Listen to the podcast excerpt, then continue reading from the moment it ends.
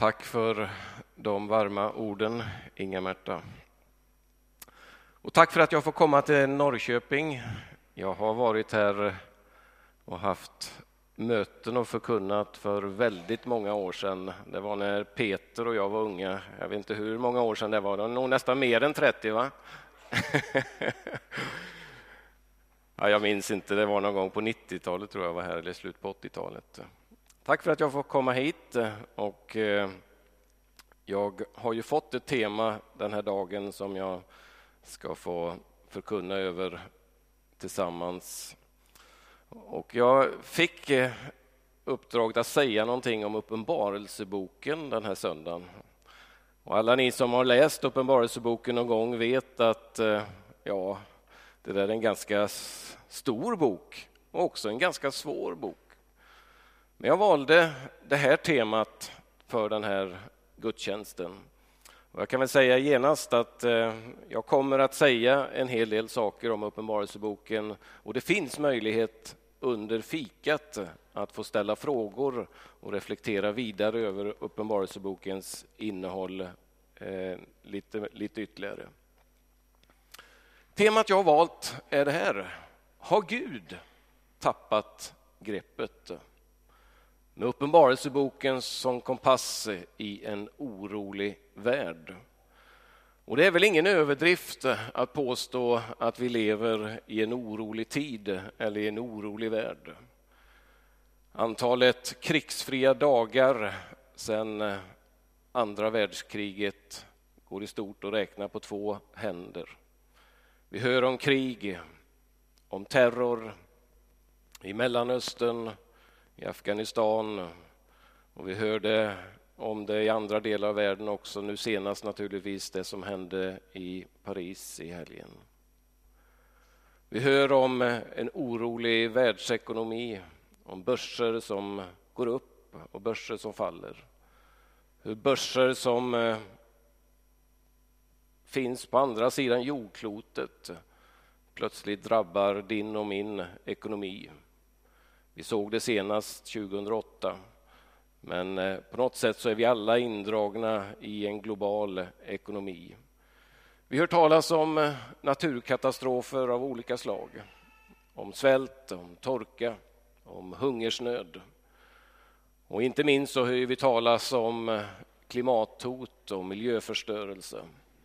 Senast på radion när jag åkte i bilen hit så sa de i vetenskapsprogrammet i P1 att det nu konstaterat eh, att jordens temperatur har höjts med över en grad och når temperaturhöjningen två grader så väntar katastrofer. Havsnivåer som höjs, ozonlager som uttunnas, regnskogar som förstörs, tyfoner, orkaner och så vidare och så vidare. Vi hör talas om epidemier, pandemier, ebolasmitta och annat som hotar mänskligheten runt om vår värld. Vi lever i en tid med eh, stora grupper av människor, inte mindre än 60 miljoner människor är på flykt runt om i världen. Och kanske du befinner dig här idag därför att du just har varit eller är på flykt. Men kanske det största hotet av dem alla mot vår framtid är egentligen den enorma befolkningsexplosionen. Där jordens befolkning har ökat med tre gånger på 70 år. Hur många människor ska den här jorden klara av? Och speciellt det som är det stora problemet är ju en rik västvärld som suger ut en fattig del av världen. Hur ska det gå? Hur ska det sluta? Är undergången nära? Kommer jorden att gå under? Och genom historien har det varit naturligtvis många undergångsprofeter som har förutsagt och förutspått att jorden kommer att gå under en dag. Harold Camping i USA gjorde det i maj 2011. Maya-indianerna hade en kalender som tog slut i december 2012. Men vi kan naturligtvis konstatera att jorden har inte gått under. Men hur kommer det sluta?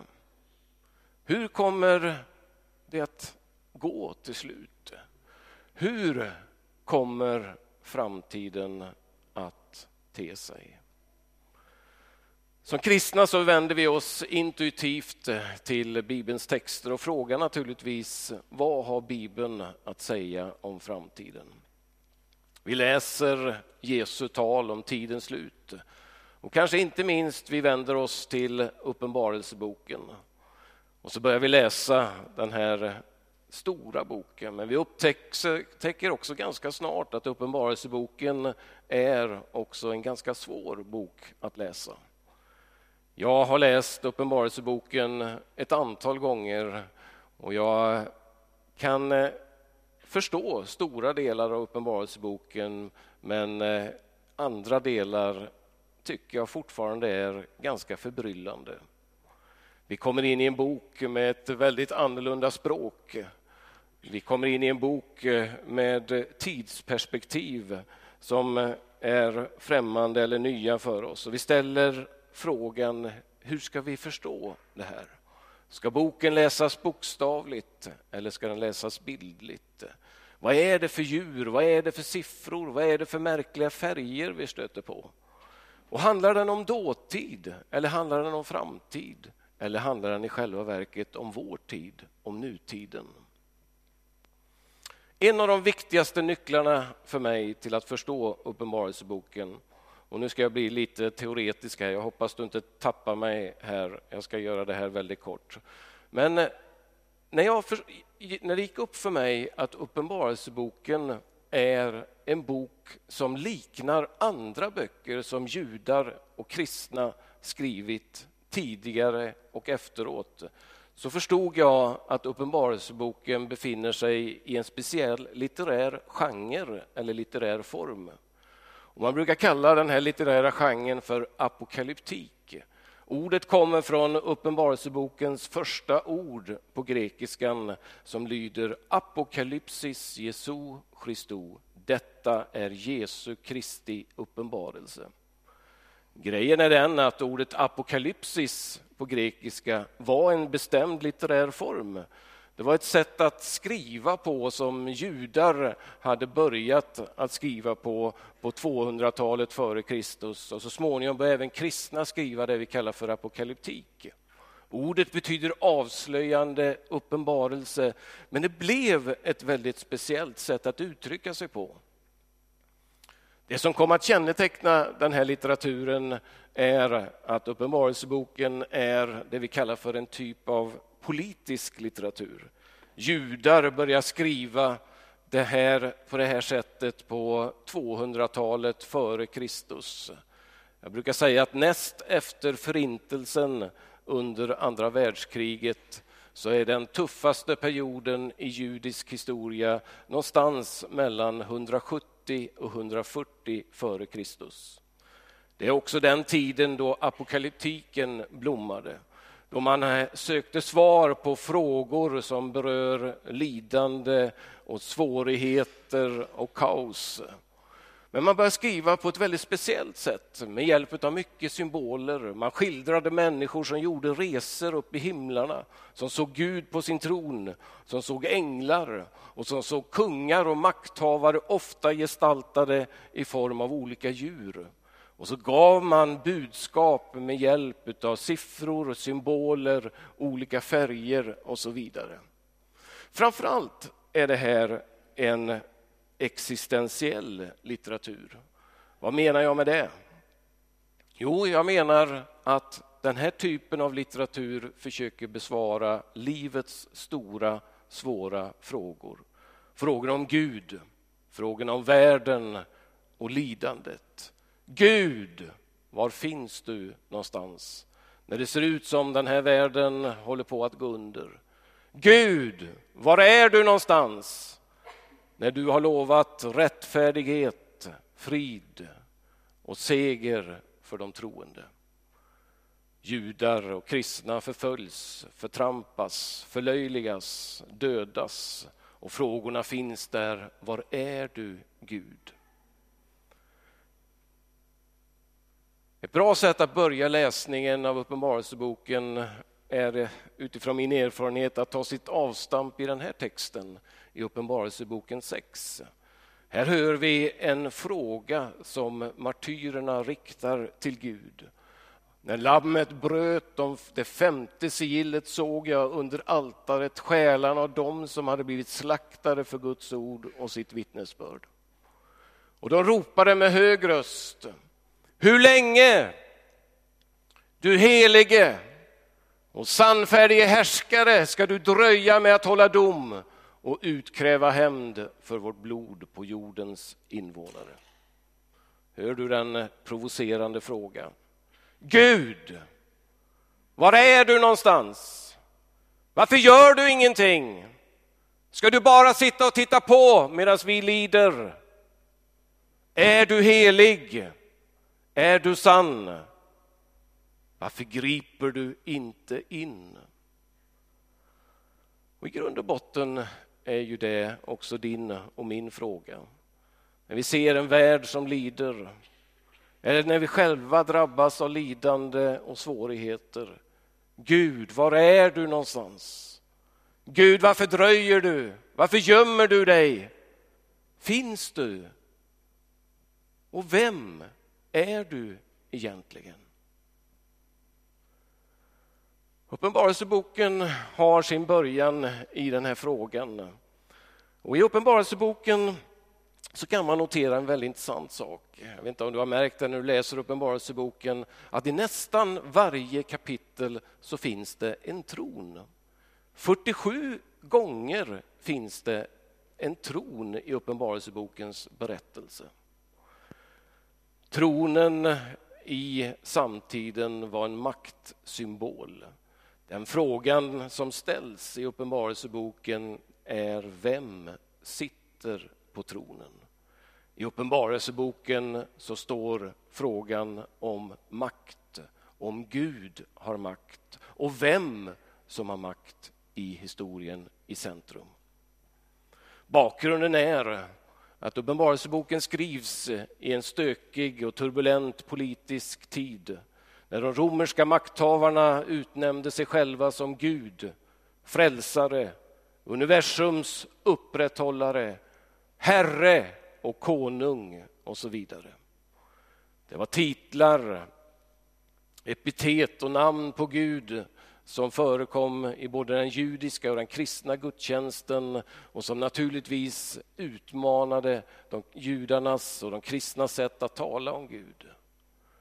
I Rom så sitter det en härskare som heter kejsar Domitianus som nyss har utnämnt sig själv som Gud, som Guds son. Som har tagit titeln på sig själv, vår Herre och Gud och skriver ett dekret till de romerska imperiets invånare att när jag tituleras offentligt eller i brev så ska ni titulera mig Dominus et Deus Noster, vår Herre och Gud. När vi börjar läsa Uppenbarelseboken så märker vi ganska snart de politiska anspelningarna som finns i texten. Du hinner inte läsa mer än fem versor, versar in i Uppenbarelsebokens första kapitel innan du stöter på en beskrivning av Jesus Kristus som beskrivs som det trovärdiga eller trofasta vittnet. Den förstfödde från de döda, det vill säga den första som har uppstått från de döda. Och så beskrivs han med orden härskaren över jordens kungar. Notera, det sägs inte att han eh, är herre över kyrkan eller att han är universums skapare eller att han är frälsare. Utan det första som slås fast om Jesus Kristus det är att han härskar över dem som gör anspråk på makt över jordens kungar. Den här motproklamationen löper som en röd tråd genom Uppenbarelsebokens 22 kapitel och når sitt klimax i kapitel 17 och kapitel 19 när Jesus Kristus, lammet, beskrivs som herrarnas herre och konungarnas konung. Han är alltså herre över dem som kallar sig herrar. Konung över dem som kallar sig för konungar. När man börjar läsa Uppenbarelseboken så får man möta Jesus Kristus i kapitel 1.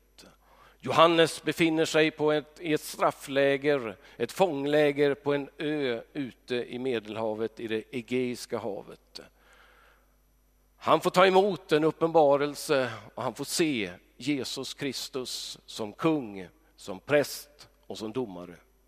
Jesus säger till honom att jag har ett budskap till sju stycken församlingar och du kan läsa om de budskapen i kapitel 2 och 3 i Uppenbarelseboken. Men i början på kapitel 4 så får Johannes höra en röst som säger Kom hit upp så ska jag visa dig vad som ska ske härefter. Och strax kom jag i hänryckning och se en tron stod i himlen och någon satt på tronen och han som satt där syntes mig lik jaspis och karneol och kring tronen var en regnbåge som var som smaragd.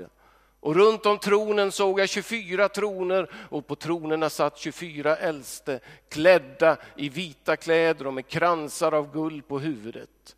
Och från tronen kom det blixtar och dån och åska. Och sju facklor brann framför tronen. Det är Guds sju andar och framför tronen låg liksom ett hav av glas som av kristall. Och så får Johannes ta del av hur Gud börjar tillbedjas av änglavarelser och de 24 äldste. Han tillbes som allhärskaren och kapitlet slutar med att man tillber honom med orden Du, vår Herre och Gud, är värdig att ta emot härligheten och äran och makten. Ty du har skapat världen och genom din vilja blev den till och skapades den. Det finns ett flertal bibelforskare som har uppmärksammat att beskrivningen som ges av Gud, den som sitter på tronen, påminner om tronsalen i Rom där den romerske kejsaren sitter. Han sitter på en tron och det brinner facklor. Det är ädelstenar runt kejsaren. Och det intressanta är att där finns 24 stycken mindre troner där kejsarens livgarde satt. Kejsaren proklamerades som autokrator som betyder självhärskare, diktator, despot. Gud tillbeds i Uppenbarelseboken 4 som pantokrator, allhärskaren. Men det kanske mest intressanta är den här titeln som Gud tillbeds med, Vår Herre och Gud. Exakt den titeln som kejsar Domitianus gjort anspråk på i Rom. Här finns en tydlig motproklamation att det finns en annan som sitter på tronen. Att det finns en annan som egentligen har makt.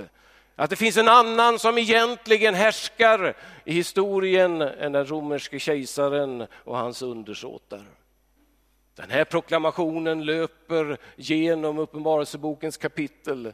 När vi kommer till kapitel 11 läser vi att den sjunde ängeln blåste i sin basun.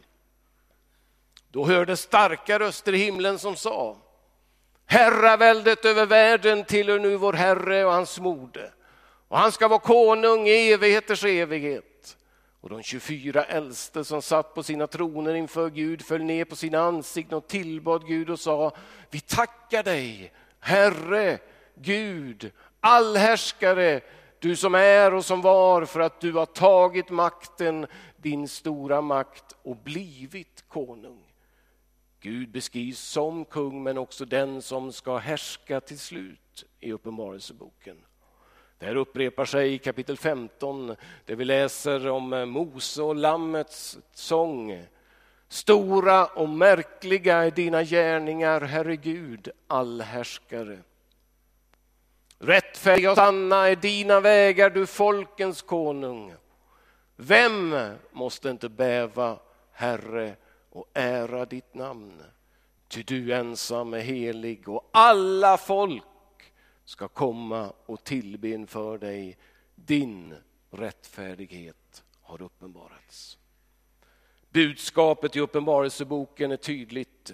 Gud har makt. Jag satt i ett samtal med en student vid Örebros universitet för en tid sedan som i samtalet sa till mig tanken på Guds makt är en av kristendomens största myter. Varför ser det då ut i världen som det gör? En värld i kaos. Och om Jesus är kung så måste han vara som den svenske kungen, en kung utan reell makt.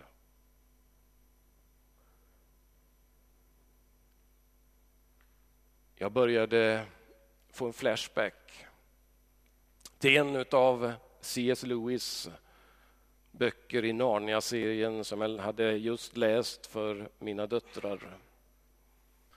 Där eh, det stora lejonet, Aslan, Jesusgestalten i C.S. Lewis böcker, hade utlämnat sig själv till häxan. Och häxan skulle slakta, offra lejonet på ett stort stenaltare och man hade bundit fast honom. Då vågade sig häxans anhängare fram och förlöjliga det stora lejonet. Titta! Det är ju bara en liten katt. Kisse, kisse, kiss. Vill katten ha lite mjölk? Och så förlöjligade man det stora lejonet. C.S. Lewis hämtade bilden av det mäktiga lejonet Aslan från Uppenbarelseboken.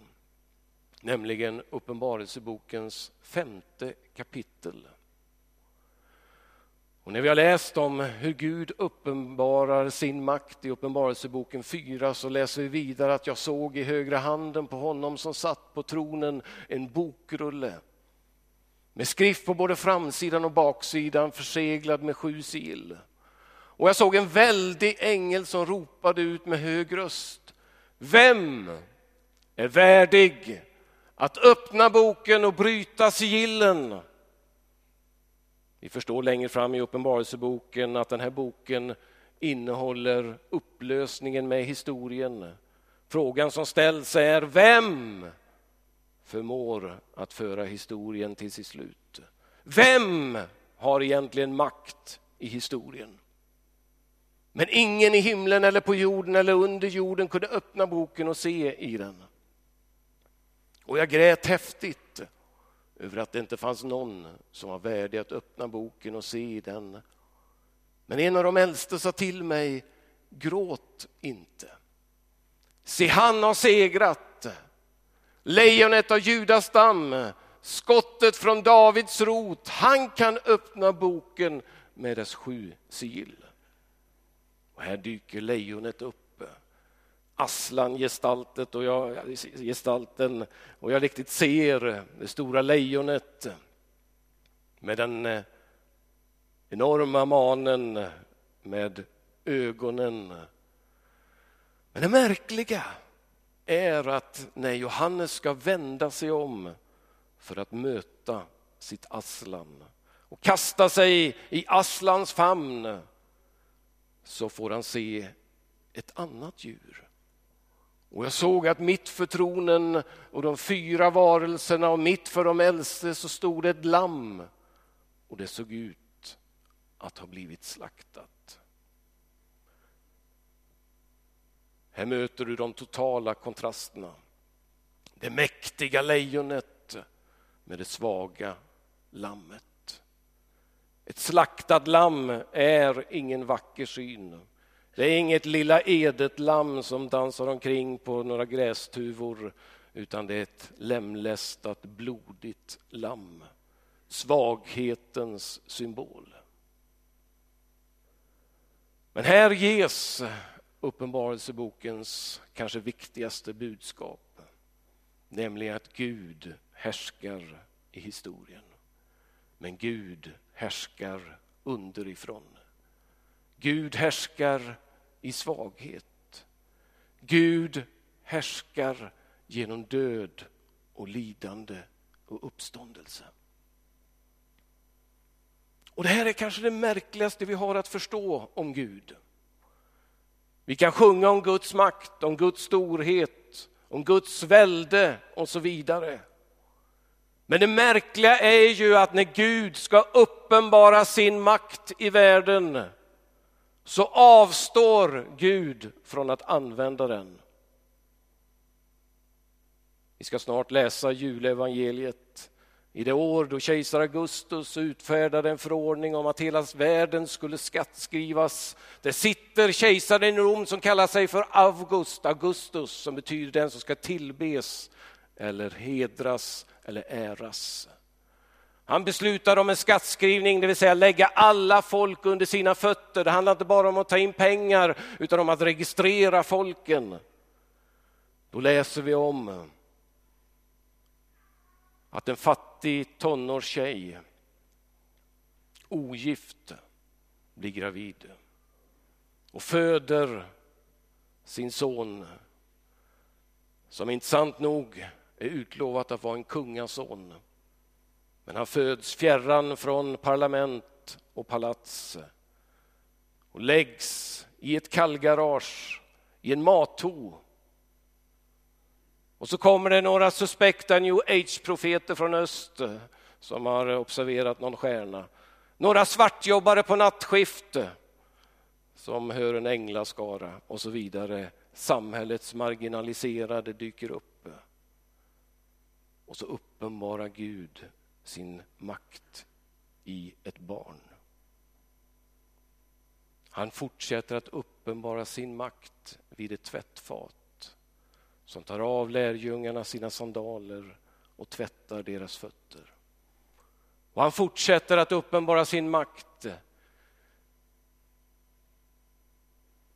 i en marginaliserad, utstött, fördömd och dömd människa utanför stadsmurarna på ett kors, ensam i svaghet. Kan ett barn göra skillnad? Kan en slav rädda? Kan en korsfäst befria? Det är precis det som är det kristna evangeliet. Och det märkliga är, som jag sa, att när Gud väl ska uppenbara sin makt så avstår han ifrån att använda den. Varför gör Gud så? Varför tvingar han inte alla folk till lydnad? Ja, det är kärlekens väg.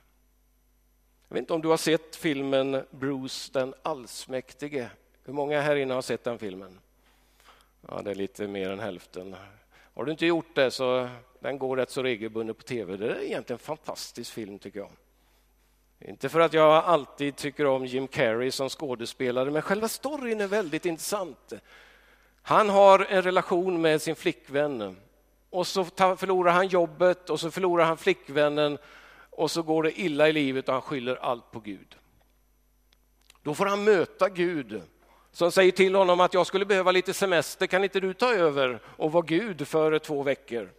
Och han ser möjligheterna att både få tillbaka jobbet och sin flickvän och dessutom göra lite förtjänst på det här. Så han eh, tackar ja till det här och eh, han får mycket att göra. Det är många som ber. Det är många som vill ha alla rätt på Bingolotto eller vad det nu är och han eh, blir trött på alla böner så han svarar ja på allting och det blir fullständigt kaos. Ni som har sett filmen, ni vet det där. Men han tänker, nu när jag har all makt då ska jag nog vinna tillbaka min flickvän. Så han ställer till med scener på himlen, moln som skriver budskap och massa märkliga saker som händer. Men det underliga är ju att flickvännen bara tycker han är löjlig. Du tror du har makt, jag bryr mig inte, säger hon. Han blir så förtvivlad. Trots att han har all makt så kan han inte vinna sin flickväns kärlek tillbaka. Så han blir så förtvivlad så han går ut en regnig kväll rakt ut på highway och blir överkörd av en stor långtradare och han dör nästan. Han kommer i alla fall till himlen och där får han möta Gud och de har ett samtal tillbaks och han, Gud säger till honom du får en chans till. Och nästa scen så ligger han i sjukbädden. och där sitter flickvännen vid hans sida. Det är inte allmakten som väcker hennes kärlek. Det är hans lidande för henne. Ni som har sett filmen vet hur också hur den slutar väldigt genialiskt.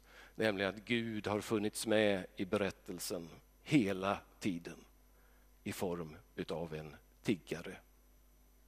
Gud avkläder sig makten.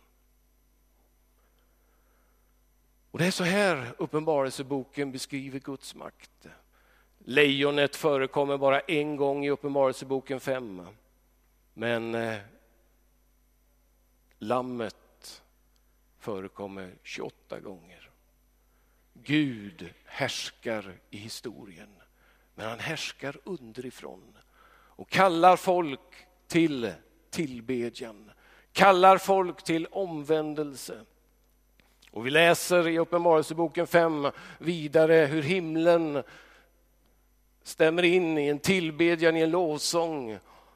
Du är värdig, och man sjunger till Lammet att ta boken och bryta dess sigill, det vill säga du har makten i historien. Ty du har blivit slaktad och med ditt blod så har du friköpt åt Gud människor av alla stammar, av alla språk och alla länder och alla folk. Och du har gjort dem till ett kungadöme åt vår Gud, till präster åt honom och de ska vara kungar på jorden. Det här är ett väldigt typiskt så kallat identitetsformande språk. Kristna som förföljs, som lider, som marginaliseras blir nu placerade mitt i historien att Gud ska upprätta dem och de ska få bli delaktiga i Guds seger över historien. Det är nu egentligen Uppenbarelseboken börjar i kapitel 6 med att lammet bryter sju stycken sigill. Sen blåser sju stycken änglar i basuner och sju stycken änglar släpper olika skålar över jorden. I Uppenbarelseboken så tar vi del av mycket lidande, mycket svårigheter, mycket kaos i skapelsen. Och vi möter det inte minst i sigillen, basunerna och skålarna. Här möter vi ondskans ansikte. Och när man läser det här så kan ju man känna igen sig lite överallt om eh, militär upprustning, om krig, om hungersnöd, katastrofer, död, och martyrium, om förstörelse av jord, hav, sötvatten, stjärnhimlen och så tas det här i en sekvens igen. Budskapet är att Gud har inte tappat makten. Det är inte det onda som löper amok, det onda som härskar i historien. Nej, Gud har allt under kontroll. Men så länge mänskligheten vänder sig i uppror mot Gud så kommer skapelsen att allt mer må illa, kommer allt mer att förstöras. Och vi noterar ju det inte minst i basunerna och skålarna. Och det är intressant att läsa Uppenbarelseboken i tider när vi hör om klimathot och miljöförstörelse nästan dagligen. Uppenbarelseboken har talat i snart 2000 år om att så länge människan förhärdar sig, vägrar ge sin skapare tillbedjan, sin rätta hyllning, så finns det inneboende onda krafter som kommer att förstöra och förgöra och förinta. Hur kommer då allt att sluta? Uppenbarelseboken avslutas med tre kapitel som beskriver Guds upprättelse i historien. Och Det är fyra korta sekvenser som har fyra olika budskap om hur Gud kommer att handla till slut. Den första sekvensen handlar om festen om när Kristus kommer tillbaks, det stora bröllopet. Jesus började med att göra vatten till vin på ett bröllop. Och det här knyter an till de gammaltestamentliga profeterna som talar om när Gud upprättar sitt rike, då ska det bli fest. Då ska det bli ett riktigt party. Det talar både Jesaja, Jeremia och Amos om. Och så knyts det här samman med Uppenbarelsebokens sista vision, att när Gud kommer och upprättar i historien, då är det fest. Budskapet om att Gud ska komma åter, att Gud ska upprätta sitt rike i historien, det är inte pest som någon uttryckte det, utan det är fest. Vem vill inte gå på bröllopsfest? Vem vill inte vara med när det vankas festligheter? Den andra scenen som skildras direkt efter det här är Guds seger i historien. Nämligen att Kristus kommer ridande på en vit häst. Och han som, han som satt på den kallas trovärdig och sann, eller trofast och sann. Och han dömer och strider rättfärdigt. Och han har ett namn skrivet på manteln och på låret, konungarnas konung, herrarnas herre. Och han kommer för att göra upp med ondskan. Och jag såg odjuret och jordens kungar och deras härar som samlades för att strida mot honom som satt på hästen och mot hans här. Odjuret togs till fånga och likaså den falske profeten som gjort tecken inför odjuret och förfört dem som tagit emot dess märke och tillbett dess bild. De kastades båda i levan, levande i eldsjön som brinner av svavel. Och jag hinner inte gå in på detaljerna i den här texten men den handlar om hur Gud tar ondskans symboler och gestalter och förgör och ställer allting till rätta. Hur han dömer ondskan. Vi lever i en tid när humanism och evolutionism proklameras som evangelium. Men varken humanismen eller evolutionismen kan göra någonting åt ondskan. Den bara finns där. Kan inte göra någonting åt våldsverkare, pedofiler, massmördare och så vidare och så vidare. Men Uppenbarelseboken skildrar hur Jesus Kristus kommer och förgör ondskan en dag. Hur han kommer för att döma orättfärdigheten. Hur han kommer för att upprätta den förtryckte. Hur han kommer för att befria den plågade. Han kommer för att omintetgöra ondskan. Den tredje sekvensen som skildras i Uppenbarelseboken är domen. Och jag såg en stor vit tron och honom som sitter på den och jorden och himlen flydde inför honom och det fanns inte längre någon plats för dem. Och jag såg de döda, höga och låga, stå inför tronen och böckerna öppnades och ännu en bok öppnades, Livets bok. Och de döda dömdes efter vad som stod i böckerna efter sina gärningar. Domen är ingenting som vi tycker om att höra. Jämför hur många det är i kyrkan på domsöndagen nästa söndag, eller det sista söndag, det blir nästa söndag, och söndagen på första advent. Vi vill inte höra om dom, vi vill höra de glada julsångerna och adventssångerna. Och vi vill gärna göra oss av med tanken om dom. Jonas Gardell i sin Jesusbok om Jesus gör sig av med alla texter där Jesus talar om dom. För honom går det inte, går det inte ihop, eh, tanken på en kärleksfull, barmhärtig Gud med en Gud som han beskriver som gallrande och dömande. Men tanken på dom i Bibeln, hör det här och kom tillbaks nästa söndag. Tanken på dom i Bibeln är goda nyheter. Det tillhör evangeliet, nämligen att Gud inte bara sopar saker och ting under mattan, utan Gud kommer för att ställa allting till rätta. För att döma ondskan i världen, i mänskligheten och också i våra liv. Men för den som är i Jesus Kristus finns det ingen fällande dom, sägs det. Men att Gud kommer för att göra upp med ondskan, det är goda nyheter. Det är goda nyheter att han kommer tillbaks. Att han kommer tillbaks att upprätta sin skapelse. Att han dömer våldsverkarna som bara mejar ner oskyldiga människor i Paris. Att han kommer för att döma de som suger ut andra människor. som förstör andra människors liv genom förtryck. Att han kommer för att upprätta den cancersjuke, den som lider av förtvinande ledverk. Det är goda nyheter. Och Uppenbarelseboken skildrar det här i en sista vision av återupprättelsen. När Johannes får se en ny himmel och en ny jord, där den första himlen och den första jorden var borta och havet fanns inte mer. Och jag såg den heliga staden, det nya Jerusalem, komma ner ur himlen från Gud, redo som en brud som är smyckad för sin man. Och från tronen hörde jag en stark röst som sa Se, Guds tält står bland människorna och han ska bo bland dem och de ska vara hans folk och Gud själv ska vara hos dem. Och han ska torka alla tårar från deras ögon och döden ska inte finnas mer och ingen sorg och ingen klagan och ingen smärta ska finnas mer. Till det som en gång var är borta och han som satt på tronen sa, se jag gör allting nytt.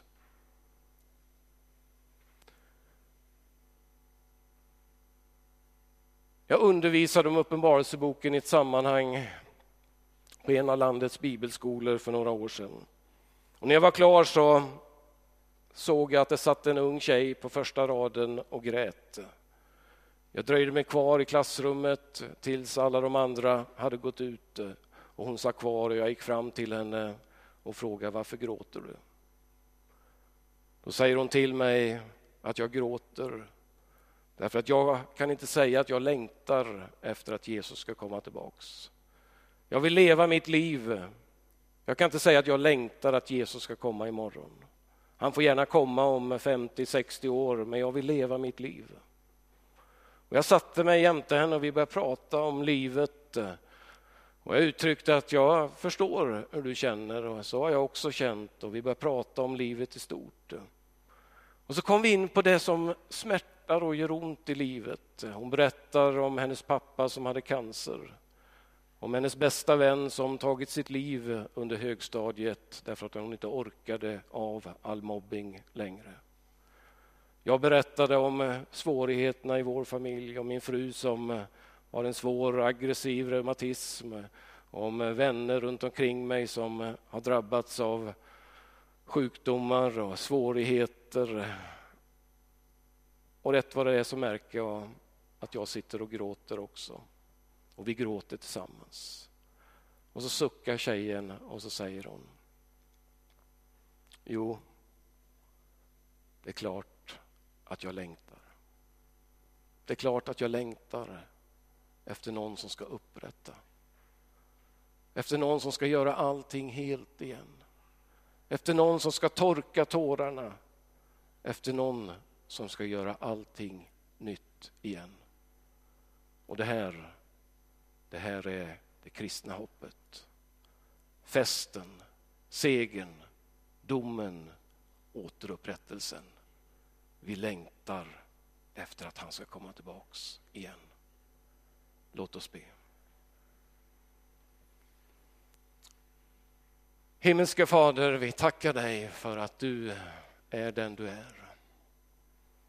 Och vi vänder oss den här gudstjänsten till dig. Du som ensam är helig. Allting skapare och upprätthållare. Och vi vänder oss till dig med vår bekännelse att du sitter på tronen, att du härskar. Himmelske Fader, du ser det vi ser framför oss, en värld med så mycket ondska och lidande och svårigheter. Med så mycket som kan skapa oro i våra hjärtan.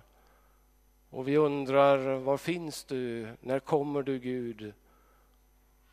Men vår bön är att du ska förbarma dig över våra liv och över den här världen. Att du ska upprätta ditt rike, att ditt rike ska tillkomma att din vilja ska ske på jorden som den sker i himlen. Kom heligande och gjut mod i våra hjärtan. Jag ber speciellt för honom eller henne i den här gudstjänsten som misströstar, som sörjer.